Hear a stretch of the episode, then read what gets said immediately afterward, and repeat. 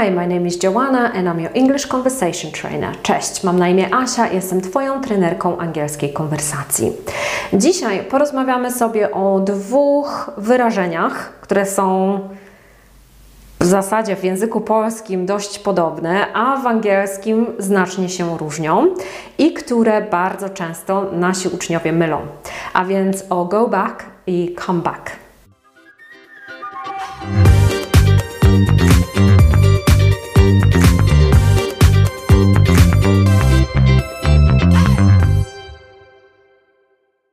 Zanim zaczniemy, chciałabym zaprosić Cię na lekcję angielskiej konwersacji z native speakerami, lekcje 1 na 1, które uczą mówić w języku angielskim biegle i bez skrępowania. Jeżeli chcesz poprawić angielski, chcesz poprawić swoją konwersację, jeżeli chcesz mówić z pewnością siebie, to nasze zajęcia będą dla Ciebie.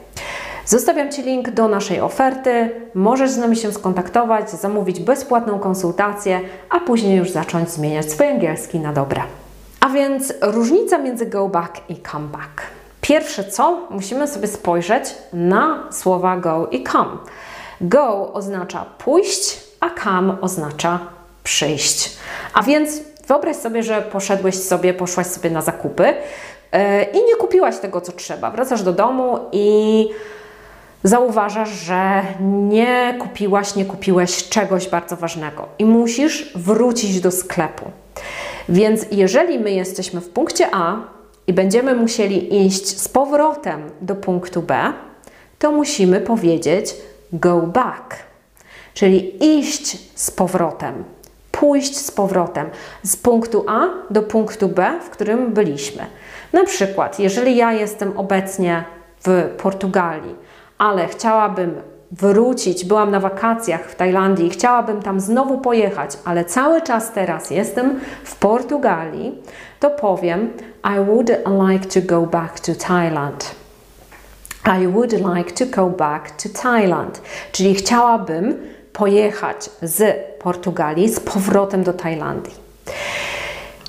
I teraz wyobraź sobie taką sytuację. Jesteś w domu, I wróciłaś, wróciłeś z tych zakupów, e, zapomniałeś, zapomniałaś czegoś tam kupić i chcesz, um, musisz wrócić się do tego sklepu i um, kupić dodatkową rzecz. Ale nie chce ci się, jesteś leniwy, jesteś leniwa, albo nie wiem, masz różne inne rzeczy do zrobienia, więc nie chce ci się iść i wysyłasz swojego syna do sklepu. Dajesz mu pieniądze, wysyłasz go do sklepu. Po drodze jak już on wyszedł z domu, tobie się przypomniało, że jeszcze nie, dałaś, nie dałeś mu dodatkowych pieniędzy, e, że na przykład pieniądze, które mu dałeś, są niewystarczające.